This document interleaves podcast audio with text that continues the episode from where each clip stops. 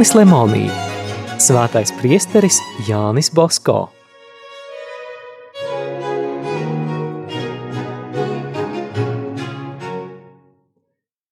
Priestera Bosko mācības, kuras viņš sacīja lielākajās Parīzes baznīcās, tika uzņemtas kā svarīgi vēsturiski notikumi.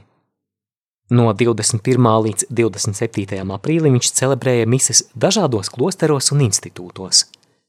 28. aprīlī viņš sacīja pirmo mācību uzvarētājas Dievmātes baznīcā.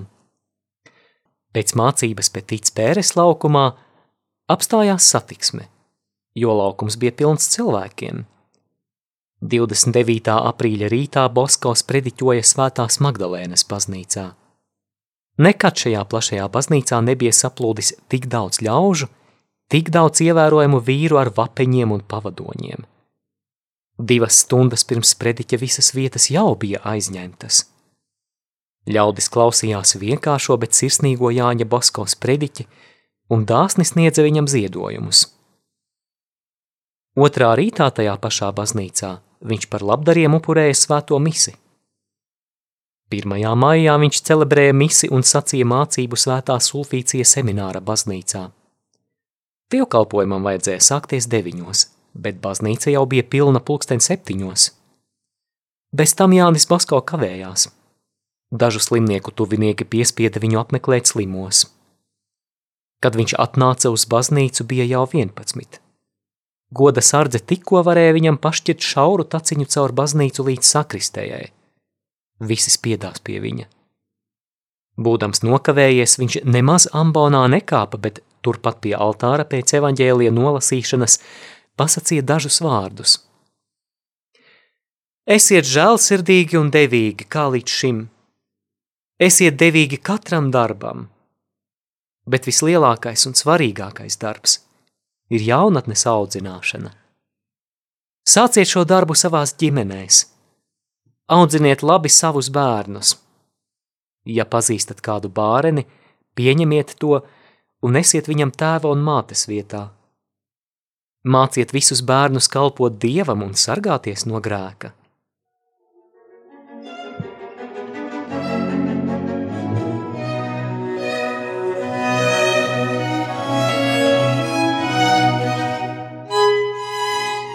Pēc mises cilvēki sāka drūzmēties sakristējā un prāvesta mājā.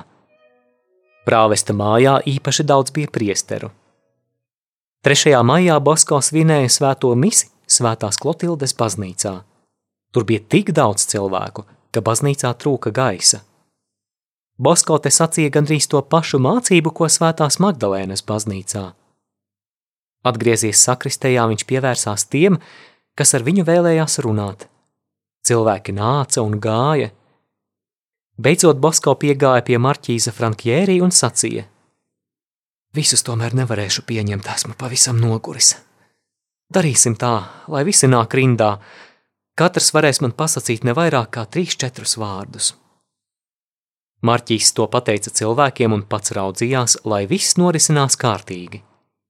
Cilvēki gāja rindā garām priesterim un katrs kaut ko lūdza.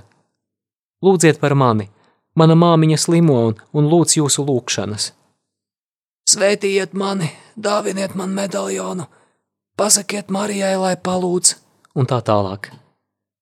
Tā minūtē viņam pagāja garām ap 40 cilvēku. Bosko visiem dāvināja Marijas kristīgo palīdzības medaļonu. Pagāja vēl divas stundas, bet cilvēki vēl vienmēr neļāva viņam aiziet. Bosko sacīja Marķīzam – Lūdzu, paskatieties, vai vēl daudzi palikuši. Marķīs izgāja paskatīties un atgriezies ziņoja, vēl ir ap 500. Priesteris Bosko vairs nevarēja pat nosēdēt. Marķīs atnesa viņam kafiju. Bosko kafiju dzerot, tāpat cilvēki gāja un gāja. Atkal bija pagājusi stunda. Marķīza kungs, vai vēl daudz palikuši? Tas atkal paskatījās un teica: Būs ap tūkstoti. Tad tikpat jāpārtrauc, es jau vairs nevaru ne nostāvēt, ne sēdēt. Atnāca prāvests. Kopā ar Marķīzu viņi aizgāja uz prāvesta māju, bet priesteris Basko aizgājis pa citu pusi, tūliņ aizbrauca. Pūlis jūtot, ka priestera Bosko vairs baznīcā nav, sāka spiesties uz prāvesta māju. Kur ir priesteris Bosko no visām pusēm sauca? Jau aizbrauca. Pūlis sāka protestēt un kāds iesaucās. Viņš aizbrauca pie Budona kunga, svētā Vincenta de Paula biedrības priekšsēdētāja tajā ielā, tajā namā. Visi nu steidzās turp, bet ne visi šo ielu zināja. Tie sāka izjautāt garām gājējus, kas uzzinājuši par priesteri Bosko pievienojās pūlim. Pēc tam cilvēki sāka grūstīties pie Budona kunga mājas. Īpašnieks izbijies iznāca uz balkonu un pajautāja, ko kungi vēlas? Gribam redzēt priesteri Bosko! Priestera Bosko šeit nav. Kā tad nav? Kad ir? Mums sacīja, ka viņš pie jums atbraucis. Jā, es viņu gaidu pusdienās, bet viņš vēl nav atbraucis. Cilvēki aplūkoja katru garām gājēju un pajūgu. Viņi sarunājās, uzmanīja, jautāja. Beidzot Jānis Basko atbrauca. Ne ar labu, ne ar ļaunu viņu neielaida mājā. Gan drīz vai jāizsauc policija.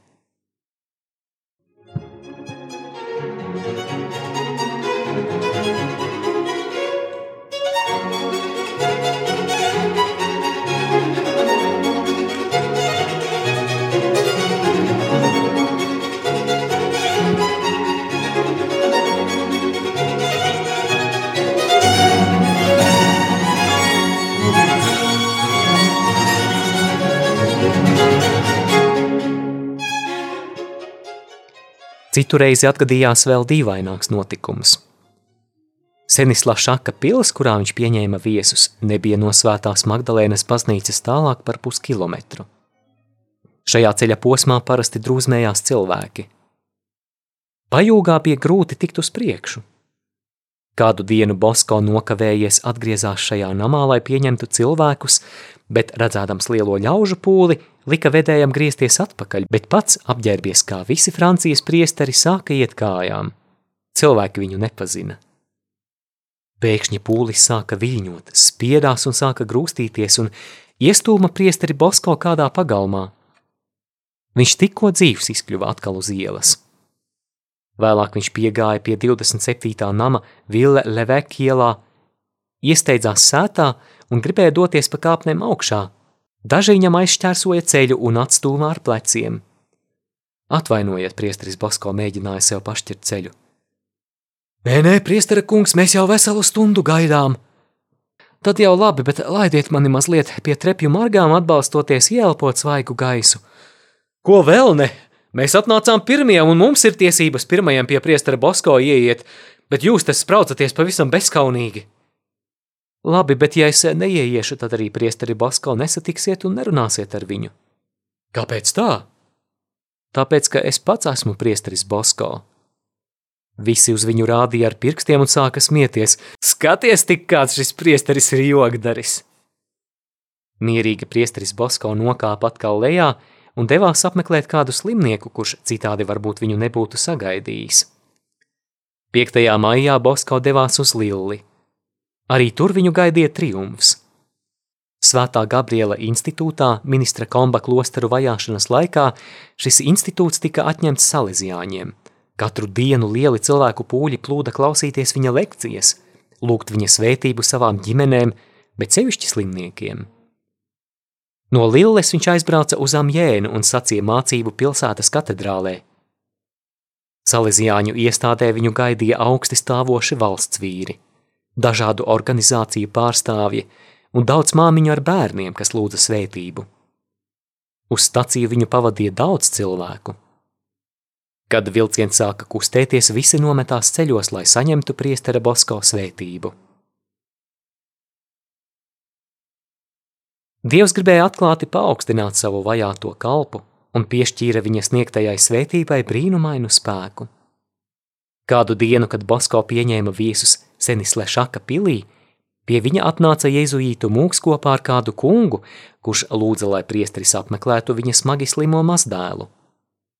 Priesteris Bosko abus mierināja, ka bērns nemiršot. Pēc dažām stundām viņš aizgāja pie slimā. Puisains cīnījās ar nāvi. Jānis Bosko nometās ceļos, palūdzās un piecēlies teica – Pēc stundas slimniekam būs labāk, bet pēc dažām dienām viņš atveseļosies pavisam. Tā arī notika. Vakarā Moris Debonī sāka atlapt un pēc divām dienām sāka staigāt. Tai pašā pilsētā kāda sieviete izlauzās cauri pūlim un raudādama priesterim stāstīja, ka viņas dēls ierēdnis pavisam negaidīti kopā ar draugiem kaut ko izdarījis un ir arestēts. Tiesas spriedums tiks paziņots tikai jūnijā. Viņa lūdza palūkties, lai viņas dēls tiktu attaisnots. Lūdzieties, sievietei, sacīja Bosko. Lūdziet palīdzību dievam. Ikdienas lūdziet tādas un tādas lūkšanas līdz tam laikam. Labi, es tā darīšu. Bet ar lūkšanām vien nepietiek. Vajadzīgs vēl kaut kas. Ir jāizsūdz grēki, un pēc tam jāpieņem svētā komunija. Labi, jau 30 gadus neesmu bijusi pie grēksūdzes, bet apsolu izdarīt visu, ko man liksiet. Tad vēl ko lieku jums izpildīt – turpmāk būt patiesai katolē, ne tikai vārdos vien. Tāda es būšu goda vārds. Ja tā, tad neaizmirstiet paļauties uz visvarnā palīdzību. To sacījis priesteris Basko izņēma no kabatas dažus medaljonus un pa vienam sniegdams sacīja, tas tev, tas tavam dēlam un šis, bet pārējos ielika atpakaļ kabatā. Ģimenē tikai trīs cilvēki vien bija – Māte ticēja, ka Dievs runā caur sava kalpa lūpām, un cerību pilna atgriezās mājās. Pasaukusi vīru, viņa tam pastāstīja, ka runājusi ar priesteri Basko, ka tas licis viņai iet pie grēksūdzes un sniegdama viņam medaļonu teica, arī tev viņš dāvināja medaļonu, kaut gan nezināja, cik mēs ģimenē esam, tomēr tavu vārdu viņš noklusēja. Priesteris Basko ir svētais.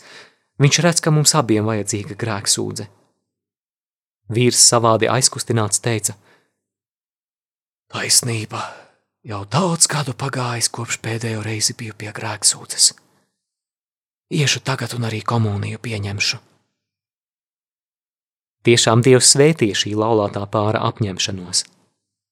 Pēdējā dienā, līdz kurai Jānis Basko bija ieteicis lūgties, tiesa pat nesāka apsūdzību izskatīt un atbrīvoja dēlu kā pilnīgi nevainīgu.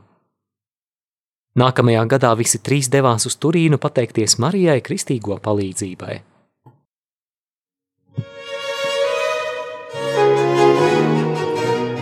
Izskanēja lasījums no Jāņa Lemonija grāmatas Svētais priesteris Jānis Bosko.